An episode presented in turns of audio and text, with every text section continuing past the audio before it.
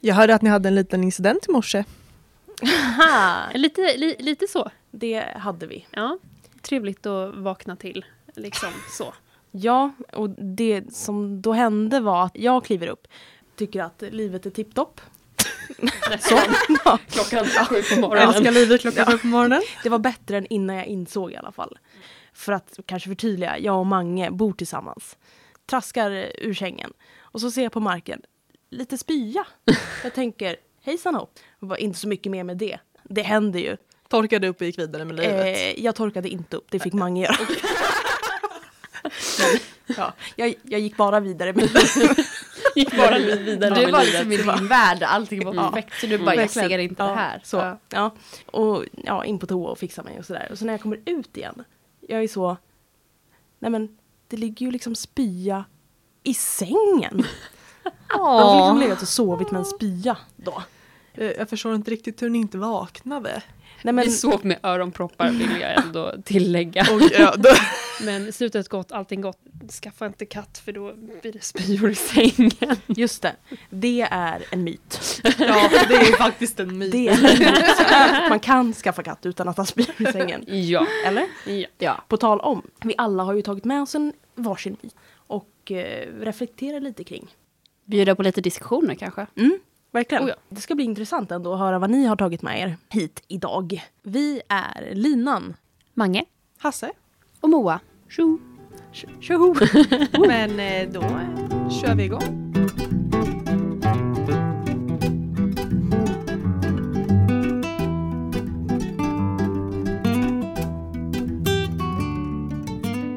Den myten jag har tagit med mig idag är linjär rangordning i hästflockar. Vad eh, har ni för erfarenheter? Då tänker jag att man brukar prata om rang hög och rang låg när det kommer till hästar. Och att det är liksom en som bestämmer. Och sen finns det då följande ordning. Mm. Ja, jag har ju väldigt mycket erfarenhet. Det är ju verkligen ett påstående man hör väldigt ofta Mm. när man pratar om ja, men om man ska ha ett ihopsläpp eller om man ska berätta om hur det funkar i flocken och sådär. Men det är ju någonting som faktiskt inte stämmer helt och hållet.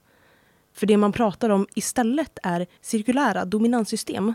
Och sen tycker väl jag kanske inte att man ska säga dominans på det sättet. För det man liksom menar med det är att det skapas roller.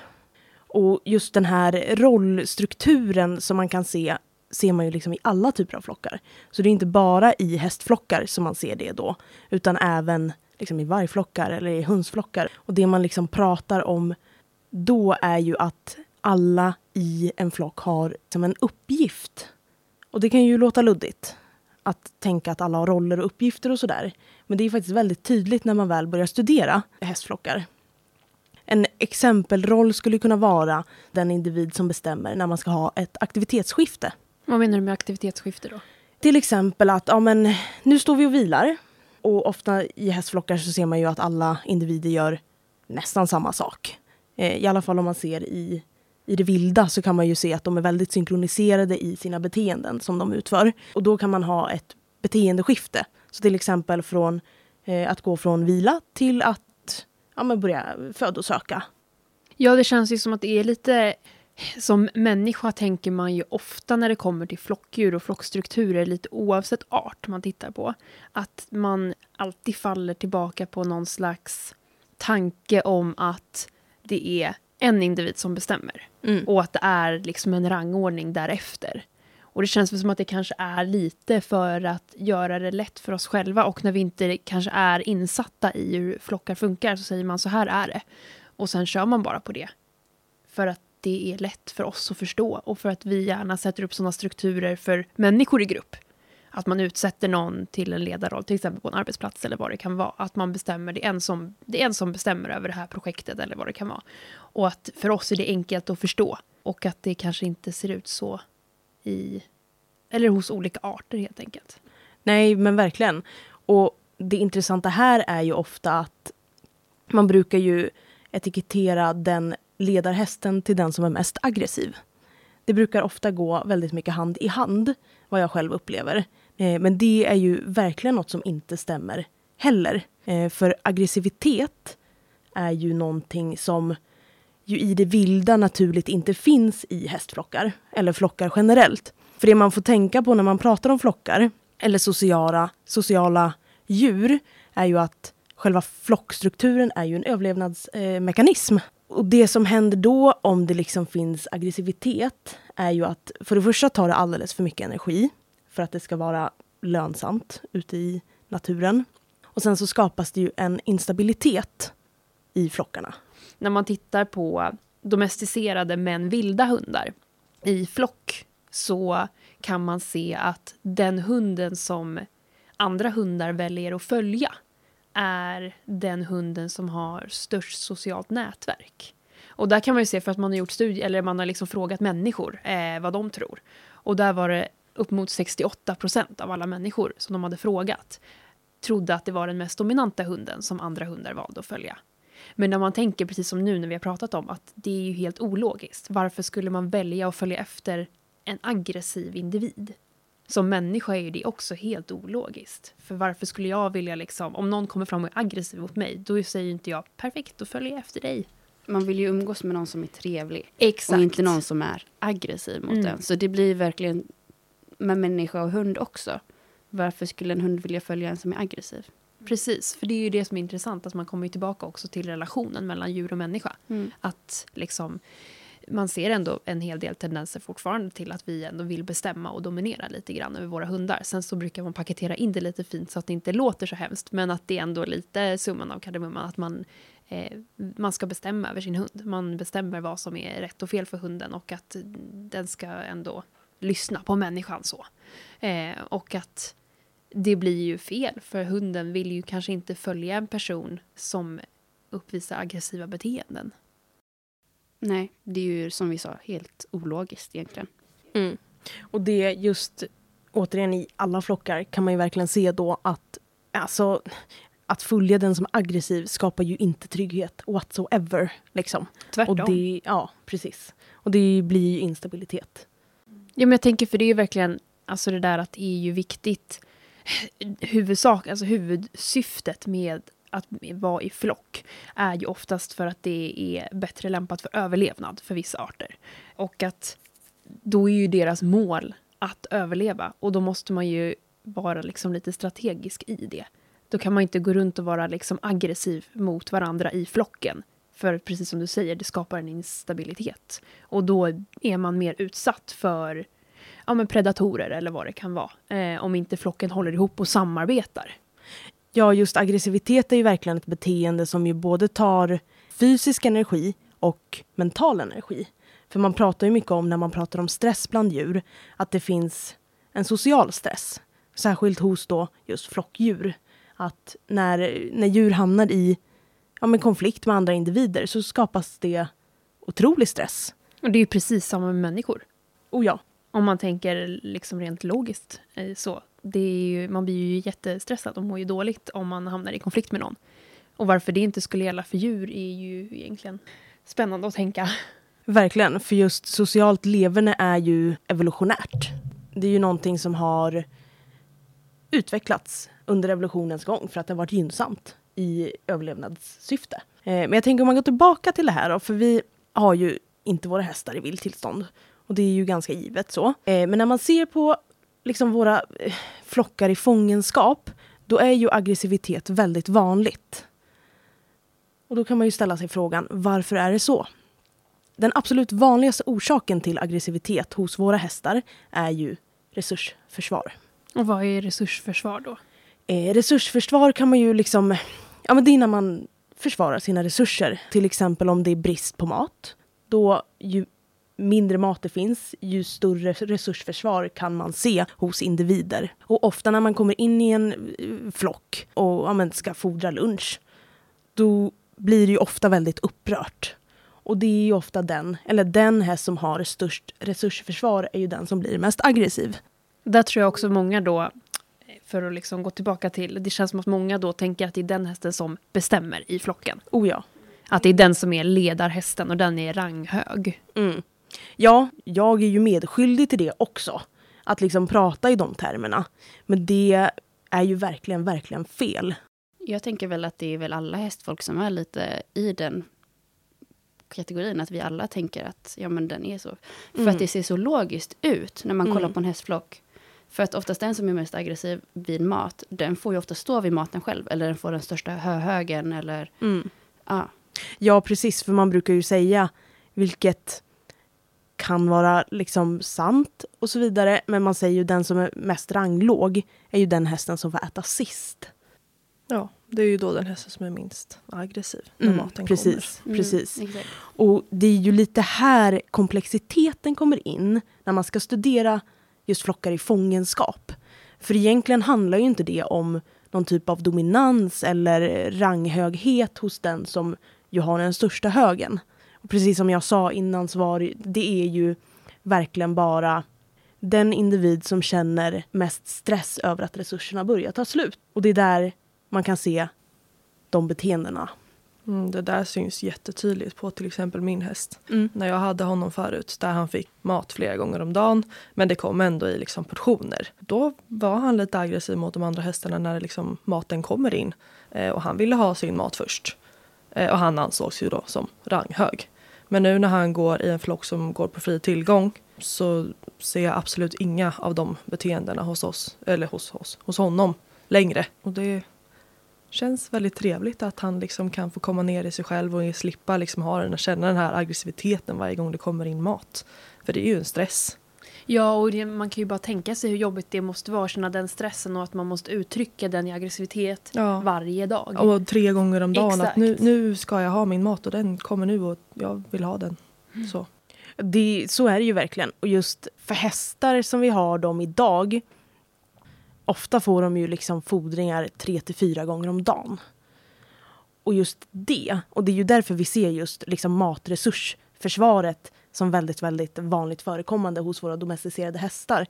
För att en häst har ju ett otroligt stort tuggbehov som Mm. ju nästan alla gånger inte tillgodoses så som vi håller våra hästar idag. Och det det finns ju liksom flera sidor av ett mynt. För många hästar idag liksom lider ju lite av övervikt. Vilket ju kan bli problematiskt. Men det är onaturligt så som vi håller hästarna idag. Och det bör erbjudas fri tillgång för att kunna tillgodose deras naturliga behov, mer eller mindre. Ja, för jag tänker att man vill ju hålla nere stressen i en hästflock. Och egentligen en av de lättaste sakerna är ju att ha fri tillgång, eller Mm. i alla fall öka antalet portioner per dag. Men sen så det är ju inte alltid ett problem att det är aggressivitet i en flock. Nej, verkligen, inte. Verkligen så det är ju också inte. viktigt att poängtera. Att Oh det ja. är. Det är ju väldigt viktigt att tänka på när man håller hästar, eller djur överlag, som vi har domesticerat. Att man måste ju tänka på att allting vi gör är väldigt onaturligt för dem. Och vår uppgift är egentligen att hålla, försöka få dem att må så bra som möjligt i de förhållanden vi har dem i. Mm, verkligen. Och det är kanske bra att förklara lite vad domesticering innebär. Också, för många gånger har jag ju hört att ja, men, de är ju domesticerade. Mm. De tycker ju om det här. Domesticering är det här, eller i alla fall, domesticering innebär ju att människan har kontroll över reproduktionen av en art. Och bara för att människan har liksom kontrollen över det betyder det ju inte att vi avlar på lämpliga individer. Vi kan ju liksom avla på individer som inte överhuvudtaget egentligen skulle funka som det vi önskar. Men eftersom att vi ju har kontrollen över aveln så kallas den för domesticerad. Men man kan ju också avla på dem som man har en liksom känslomässigt band till. Om du har ett känslomässigt band till till exempel ett sto Mm. och tycker om det väldigt mycket. Men den har en, någonting som skulle kunna föras vidare. Då händer det ju att eh, folk avlar på, på de hästarna ändå. Och så kan det ju gå illa för fölet sen, eller avkomman snarare.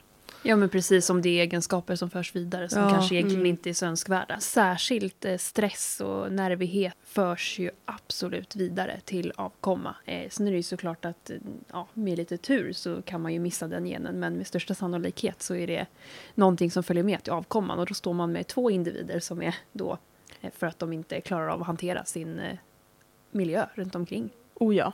Det här är ju väldigt intressant och det är någonting som vi Som- kommer att ja, diskutera verkligen. mer om och så. Men jag känner att vi har tappat lite tråden kanske mot vad myten Ja, faktiskt handlar om. Recapa myten. Men eh, om vi liksom kommer tillbaka till myten och försöker sammanfatta den lite kanske. Ja, och själva myten är ju då att det finns ju inga linjära system i hästflockar. Utan det man ser är cirkulära system och med olika rollfördelningar.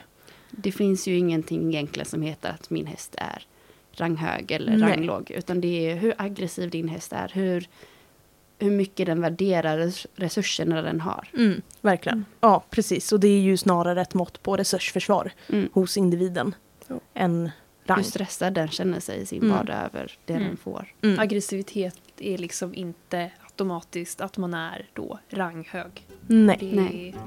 det är en myt.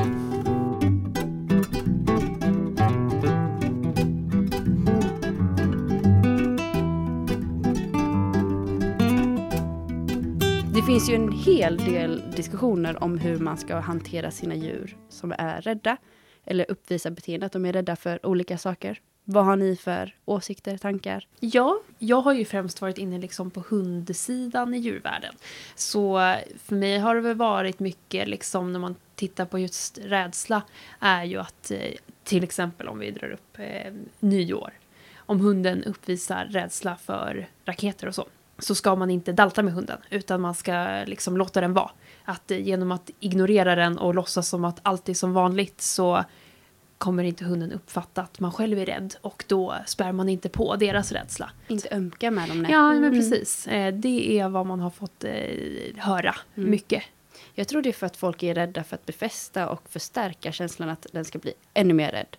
Exakt. Eller till, jag har till och med hört att djur kanske drar nytta av det här. Att de skulle liksom Oj, uppvisa beteendet senare för att få uppmärksamhet eller få Hoppsan, belöning om man använder godis. Okej.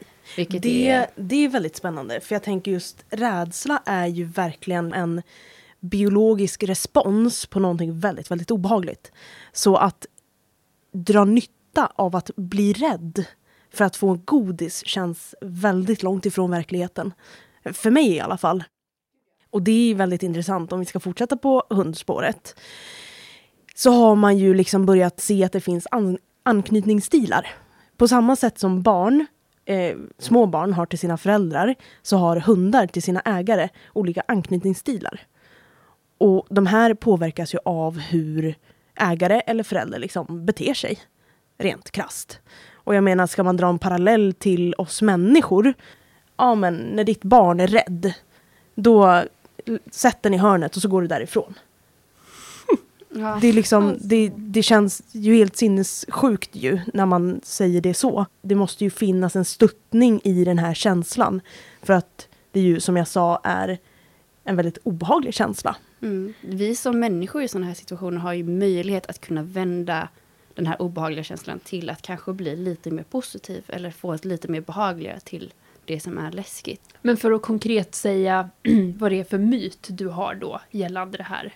är ju att man inte ska belöna ett djur som är rädd. Och det kvittar, det kan vara både hund och häst eller andra djur. För att de fungerar ju ändå Mm. lite på samma sätt. Mm. Och då är väl också med, för att vara förtydlig, att belöning kan ju ses på olika sätt. Det kan ju vara både gud, det som ja. är godis men eh, också någonting som egentligen är förstärkande för djuret. Verkligen, och det pratar man ju också mycket om i inlärning som vi kommer Mm. ha ett helt avsnitt dedikerat till. För varje art så är ju primära förstärkare olika. Och en primär förstärkare är ju då någonting som Djuret lite... värdesätter. Ja, precis. Och lite går hand i hand med en biologisk respons. För de flesta arter så är ju liksom mat eller godis en, eh, en primär förstärkare. Men för hästar till exempel kan det ju också vara kli, att man kliar på hästen. Ja, för det är ju det där att det är ju den här frågan om liksom belöning av rädsla. Kan man förstärka en rädsla genom att egentligen då med de här belöningarna som vi pratar om finnas där och stötta? Ja, men jag tror också liksom att själva missuppfattningen kanske någonstans hamnar i det här. Det finns ju en uppsjö av olika begrepp. Men just det här med habituering, sensitisering, tror jag att folk missuppfattar själva grejen att förstärka. Eller att bli mer känslig för någonting. Mm.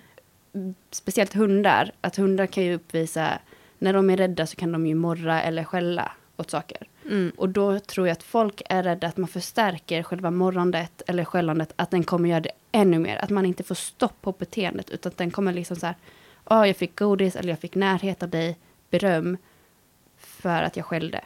Men det blir också en fel koppling. Ja, för där så kan man ju då hoppa in med just motbetingning. Exakt. Att det är ju ett sätt att lära om. Att har vi till exempel då en hund som är rädd för cyklar, låt oss säga. Om vi då eh, vill få bort det beteendet, vi vill liksom få bort den här rädslan och koppla, för kopplingen blir ju för hunden är att den ser en cykel och den blir rädd och uppvisar kanske ett beteende som inte är önskvärt. Och det vi vill göra då är ju att lära om det beteendet. Vi vill ju att hunden ska titta på den här cykeln och känna en positiv känsla. Och hur gör vi det då? Jo, vi kan använda oss av motbetingning. Och det är ju egentligen att vi belönar djuret när den ser en cykel. Så att det som händer är att hunden ser cykeln. Och då kommer vi med någonting positivt för hunden. Till exempel en godis som den vill ha.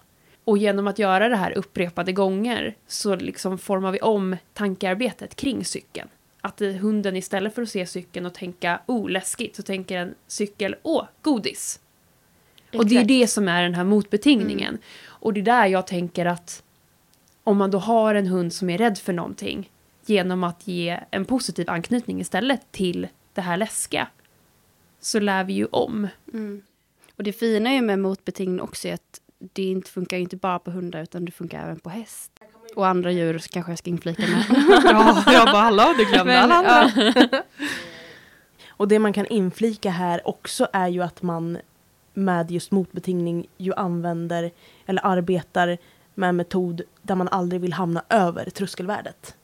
Innan djuret blir stressat eller rädd eller vad som helst, då har man ju redan belönat så att nervsystemet inte överbelastas.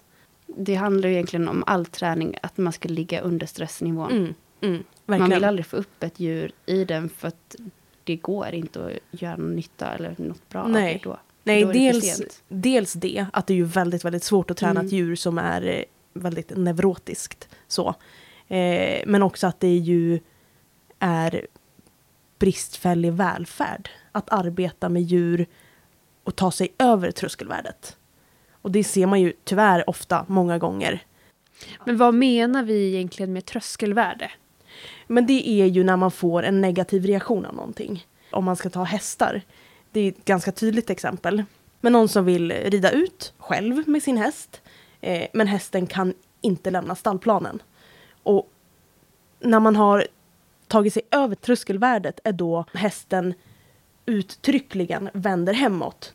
Eh, om man ska arbeta med eh, Eller visa andra stressbeteenden som inte går att hantera just där och då. Verkligen. Det man vill är ju att inte gå längre än vad hästen är bekväm med.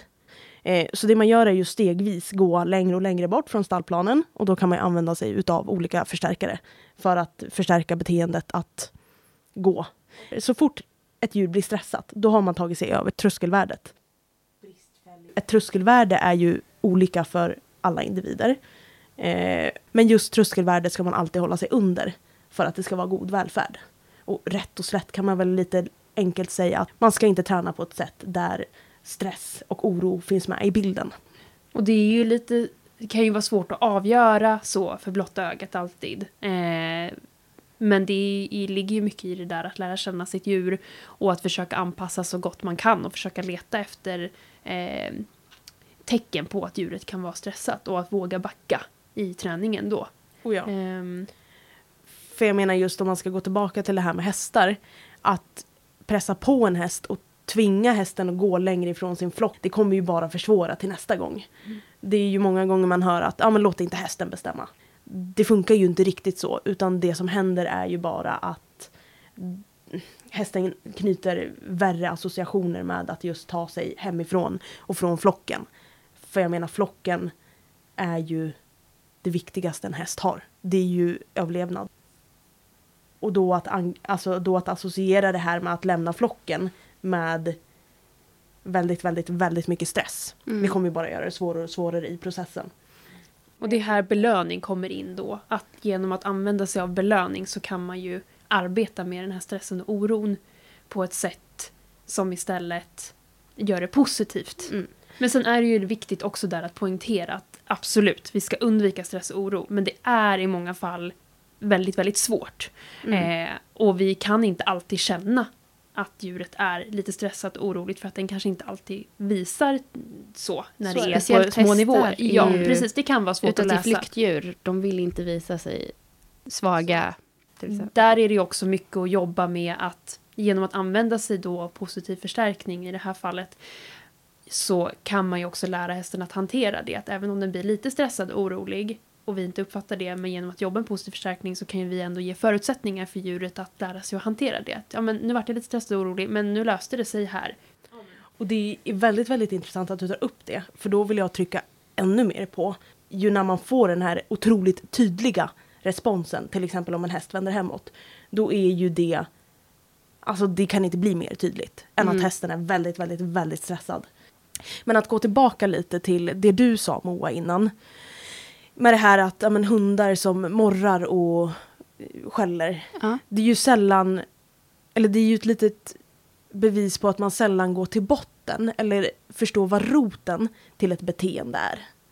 Det är nog ganska, det känns som att det är otroligt vanligt bland alla våra djur att vi förfinar det lite istället för att gå till botten med det. Verkligen. Och också att man ser ett beteende och tänker oj, nu händer det här. Nu måste vi lösa det här. Snarare än att faktiskt lösa vad som orsakar beteendet. För jag menar, att morra till exempel kan ju ha många orsaker. Så om man försöker lösa morrandet, det kommer bli väldigt svårt om man inte löser orsaken till det. Men jag tänker också att om man inte först läser av de minsta signalerna vårt djur berättar för oss så kommer de ju behöva skrika och sen kommer det ju bara eskalera tills att de får en reaktion från oss på Exakt. ett annat vis. Och det kan bli väldigt, väldigt farligt. Ja, för risken där är ju att om man, om man har ett djur som av till exempel anledning att de är rädda, så morrar de. Om vi då försöker lösa morrandet genom att de ska vara tysta och då måste de hitta på något annat istället för att uttrycka den här rädslan. Och nästa steg är ju egentligen att bita. För morrningen är ju en upptrappning till att bita för att det är ett sätt att försvara sig. Och det är det jag menar med att man måste ju verkligen hitta orsaken till olika beteenden. De, inom citationstecken, oönskade beteendena då. Ja, man måste förstå Mm. varför djuren beter sig som Mm. de gör i vissa situationer, eller i alla Mm. situationer. För att alla beteenden som ett djur gör har en funktion. Mm. Verkligen, det finns ju väldigt många få beteenden om man ska utelämna stereotypier då. De utförs ju utan uppenbar funktion och så vidare. Men eh, generellt sett så har ju alla beteenden alltid en funktion. Det finns ju inte många beteenden, om det ens knappt finns några beteenden som djur gör för, bara för att Nej. typ verkligen. jävlas med oss. Ja, nej. Det, Det finns ju nej, liksom det inte. finns ju inte. Ja, och återigen också om man ska knyta tillbaka till, nu har vi pratat om rädsla och vad att aggression ju kan Mm. vara ett symptom på rädsla. Eh, men att om man inte förstår för det första var, vart rädslan kommer ifrån och varför, då kommer man ju aldrig kunna hantera det här. Och jag har svårt att tro att man kommer kunna förstå vart rädslan kommer ifrån om, om man inte ska finnas där som stöttning för sitt djur.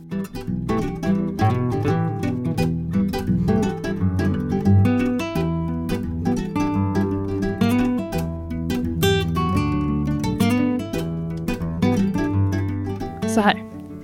Jag har förberett en eh, liten egen variant på detta mytavsnitt. Wow. Så att jag kommer helt enkelt läsa upp lite olika påståenden. Så får ni säga sant eller falskt. Åh, vad kul! Nu kör vi. Oh. Är, det, är det här liksom en tävling? Eh, ja, men det kan det alltid en tävling här i livet. Så att eh, Vad eh, vinner man? Äran. äran. Exakt. Just det. Gärna djuräran. Oh, Mm. Ja. Är ni redo? Ja. Kameleonter anpassar sin färg efter omgivning för att smälta in. Jag tror att det är sant. Jag är beredd på att hålla med dig att det är nog sant, ja. Jag tror också att jag Vi låg på den sidan. Ja, Det är eh, sant. det är falskt. Ja, Ja. det är falskt. Nej. Vi föll dit. Eh, de anpassar sin eh, färg då efter temperatur eller humör. Humör. Men gud, det har jag ju ändå sett. Jättebra. Jag sätter på en dokumentär. Du föll för grupptrycket och Jag hade föll fel. definitivt för grupptrycket. Det är trist. Mm. Men Eh, ja. Men okej, men vad, vad, vad märkligt för att jag har ju ändå i mitt liv då fått höra att de ju faktiskt ändrar färg med omgivningen. Mm. Eh, ja, det har jag också hört. Jag trodde också absolut på det. Men det har man väl ha lärt sig sen man var liten. Liksom. Ja. De, var, Ja, de är så häftiga för att de kan. Ja, smälta in med sin miljö som inte syns. Men Mm. icke. Spännande. Det är inte det det beror på. Vi hoppar vidare till nästa. Katter kan utveckla abnormala beteenden när vi använder oss av laserpekare för lek. Jag tror att det är sant. Ja, det kan nog faktiskt vara sant. Kan utveckla av en laserpekare abnormala beteenden. Abnormala beteenden, ja precis.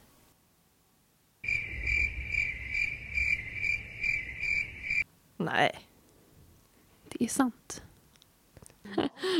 Jag försökte att inte falla för grupptrycket. Ja, det är jättebra. Det är jättebra. Det är kul om folk säger olika. Men, eh, men det kanske vi kan prata lite om då, för att Ja. det är ju väldigt intressant Mm. och kanske ganska viktigt, för det är väl många som använder laserpekare Mm. till sina katter. Ja, det har ju gjort studier på det och det har visat sig att det bygger upp frustration hos katter. Mm. Att de jagar efter någonting som de aldrig får tag på.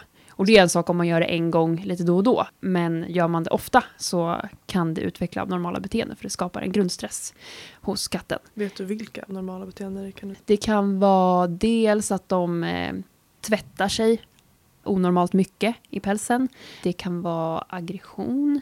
Men eh, det, är, det har inte forskats jättemycket på ännu så att det behöver ju, man behöver ju titta mer på det. Men Mm. eh, det är det man har kunnat se än så länge.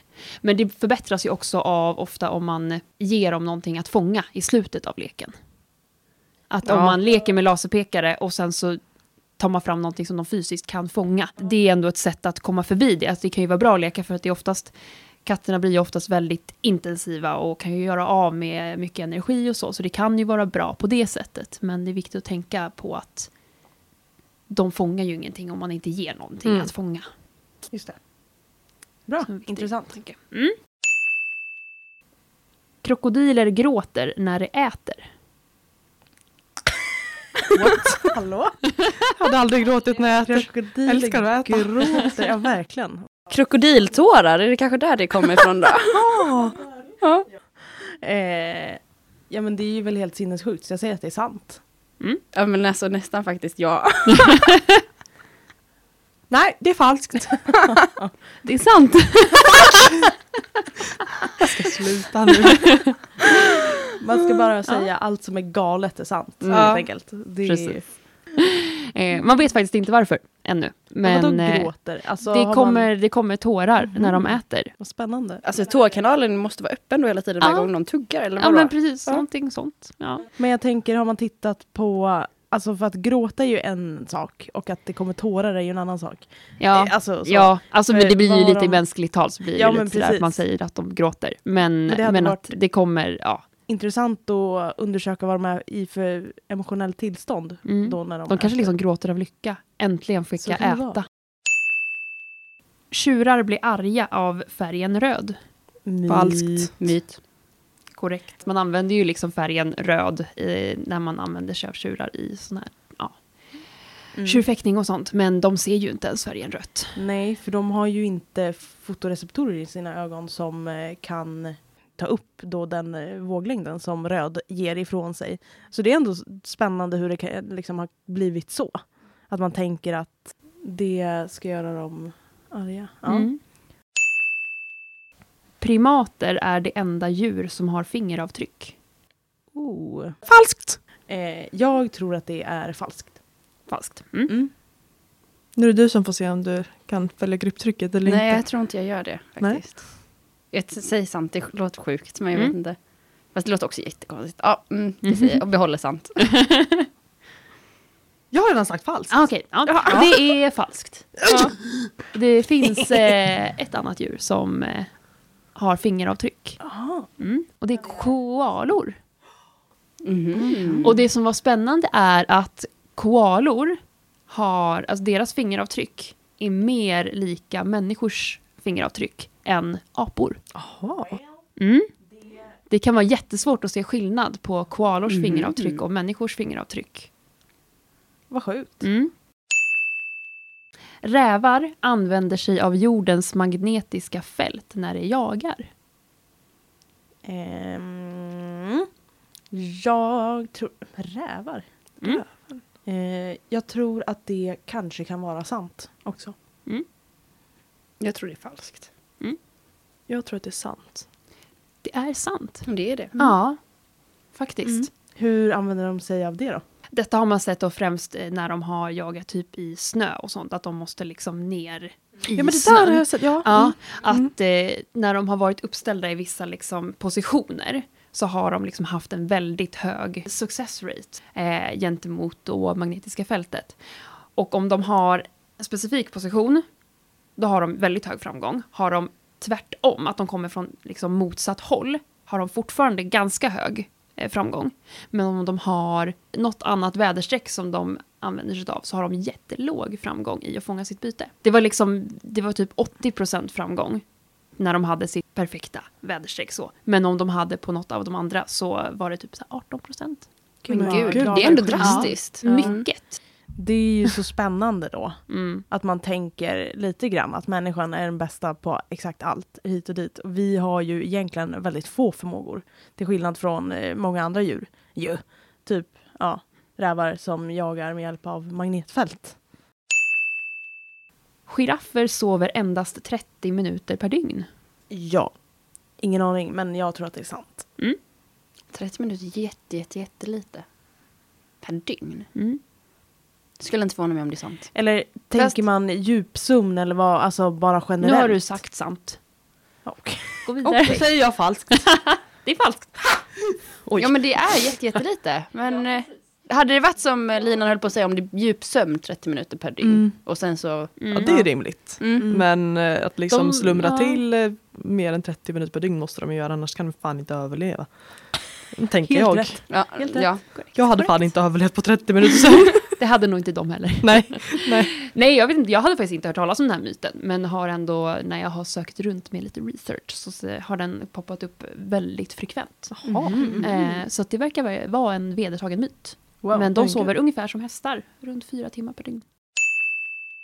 Eh, vilda reptiler fångas in och säljs som husdjur. Sant. Sant. Sant. Katastrof. Ja, det Mm. är katastrof Ja. faktiskt. På ett sätt. Mm. Det, Men eh, ja, nu har inte jag någon koll på ställning. det är Eh, jättetråkigt för jag men- tror att eh, jag vann. Jag, Jag tror, skojar, jag jag tror, Jag tror jag har kanske också att Jag Lina tror vann, för vi har haft faktiskt, två, eh, två ja. blobs Ja. och Linan har haft Blobs. en. Mm. Ja, men titta. Ja, då, Jaha, vad ja, sjukt. Då har vi en vinnare. För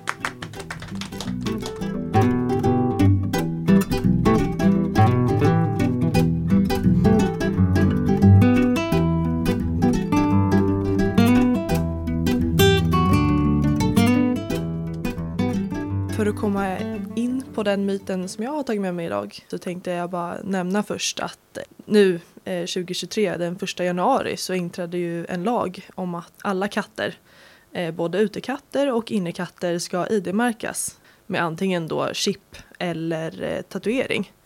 Jättebra, Ehm, vill jag tillägga. ja, och Ja. det här ska ju då också reg- registreras i Jordbruksverket. I, Vi rekommenderar starkt att alla gör det nu. Eh, En liten ja. påminnelse. Sådär. Oh, ja.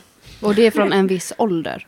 Ja, eh, alla katter som är födda sedan 2008 eh, ska registreras. Jo men den här lagen har ju då tagits fram eh, självklart med det självklara faktumet att man ska kunna liksom återförena en katt som har sprungit bort med sin ägare. Men också, det, sen är också tanken att man ska minska på antalet så kallade sommarkatter. Och sommarkatter för er som då inte vet vad det är, är liksom när eh, en familj har liksom en sommarstuga, eh, köper en kattunge i början på sommaren. Barnen kan leka med kattungen och sen när hösten kommer och man flyttar tillbaka in till stan eh, så tar man då inte med sig katten utan man lämnar kvar katten för man, Det, alltså det är helt vansinnigt. ja. Att man köper en katt för att ha på sommaren. Och sen Det är bara ju- lämna den. Ja, det är ju det är gal, galenskaper. Mm. Ja. Och folk säger ju då att katten klarar sig lika bra som liksom vildkatt. Ja, det är Mm. ju då en myt såklart. Eh, mm. Det är katterna som vi har idag. Även om de inte är lika domesticerade som hunden är eh, så är de ju ändå domesticerade och de är uppväxta med mat på tallriken och de är liksom vana vid människans sällskap. En liten kattunge som har växt upp med en hel familj och sen blir helt ensam.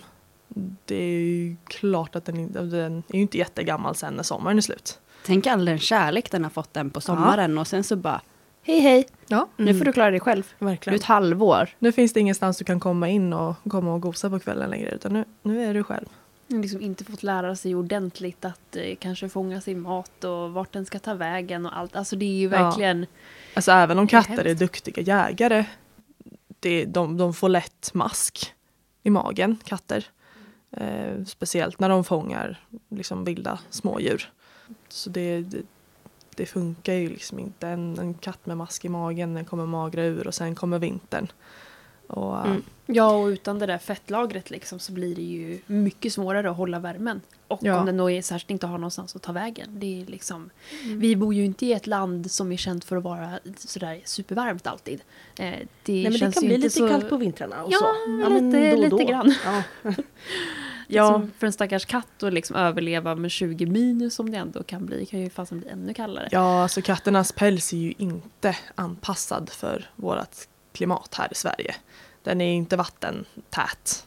Ja, men det är ju verkligen det här också om man tittar på var katten kommer ursprungligen ifrån. Det är ju liksom från varma länder, ja, men nästan ökenklimat. Mm, det är eh, det. är ju där liksom de ursprungliga katterna kommer ifrån. Och att då att vi sen har domesticerat dem, börjat styra deras avel. Vi har ju inte avlat på att de ska klara av vinter på det sättet. För att de ska kunna liksom anpassa sig efter det så krävs det ju att man avlar på specifika egenskaper som är kopplade till att överleva vintern på ett bra sätt. Kanske liksom en bättre pälskvalitet eller vad det nu Mm. kan vara. verkligen. Och just det, att förändra en päls, det krävs ju väldigt, väldigt, väldigt mycket. Alltså så evolutionärt. För man tänker ju att, ja men, det borde väl inte vara så svårt. Det är väl massa djur som har bra päls. Det finns ju kattdjur här i Sverige som har päls för våran vinter. Men det är så himla komplext när man pratar om evolution och vad som krävs. Och särskilt också när ju vi styr katternas förökning eller reproduktion och så Ja. vidare. För det är viktigt att tänka på bara för att det är kallt klimat. Det kommer ju inte bara utvecklas en bra päls automatiskt för det. De Nej. utvecklar ju inte ett skydd bara för att de har kommit till ett kallare klimat. För de har ju inte de här generna. Nej, det är ju verkligen generna man hamnar vid.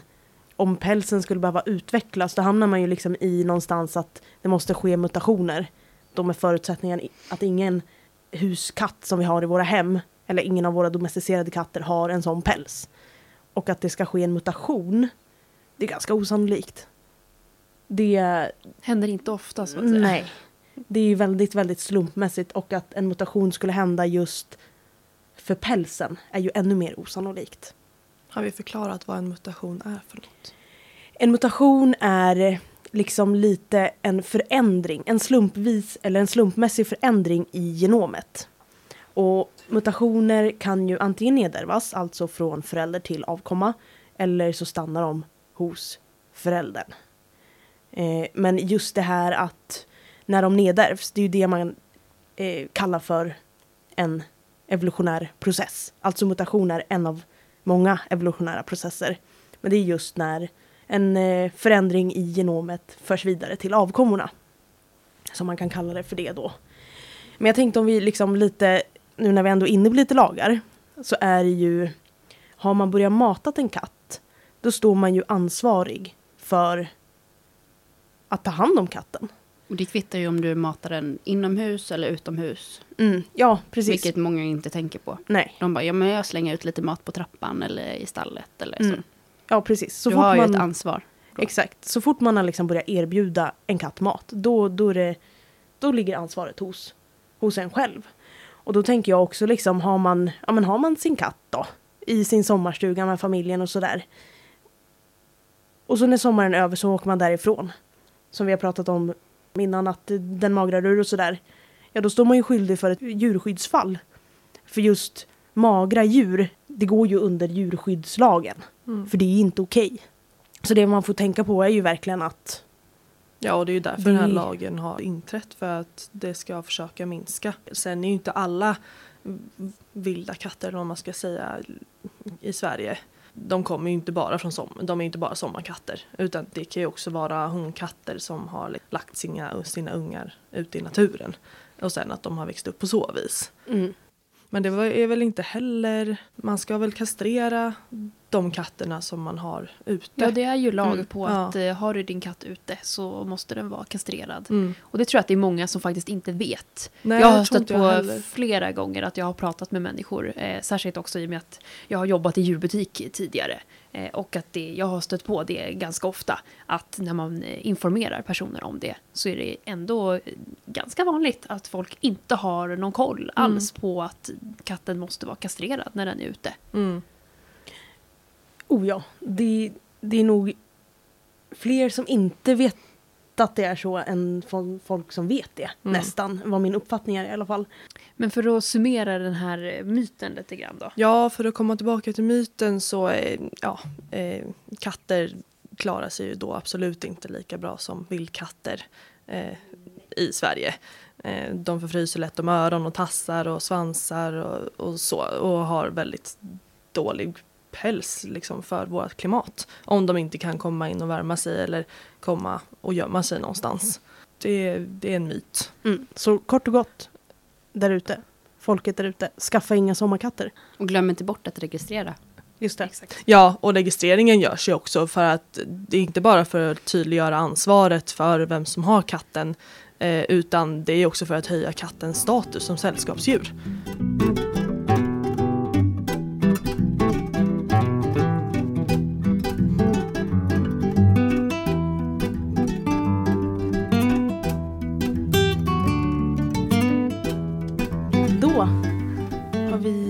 Pratat om en massa myter. Ja. Intressanta myter, verkligen, tycker jag i alla fall. Mm. Det blir mycket diskussioner. Verkligen, verkligen. Och fler diskussioner kommer det att bli. Kom, det komma skall, mycket trevligt. Så fortsätt lyssna. Har ni tankar eller funderingar eller vill kontakta oss på något sätt för att eh, vara med i våra diskussioner så får ni jättegärna kontakta oss på Instagram och Facebook där vi heter Gärna djur. Du kan ju även mejla till oss och då är det till jarnadjur@hotmail.com.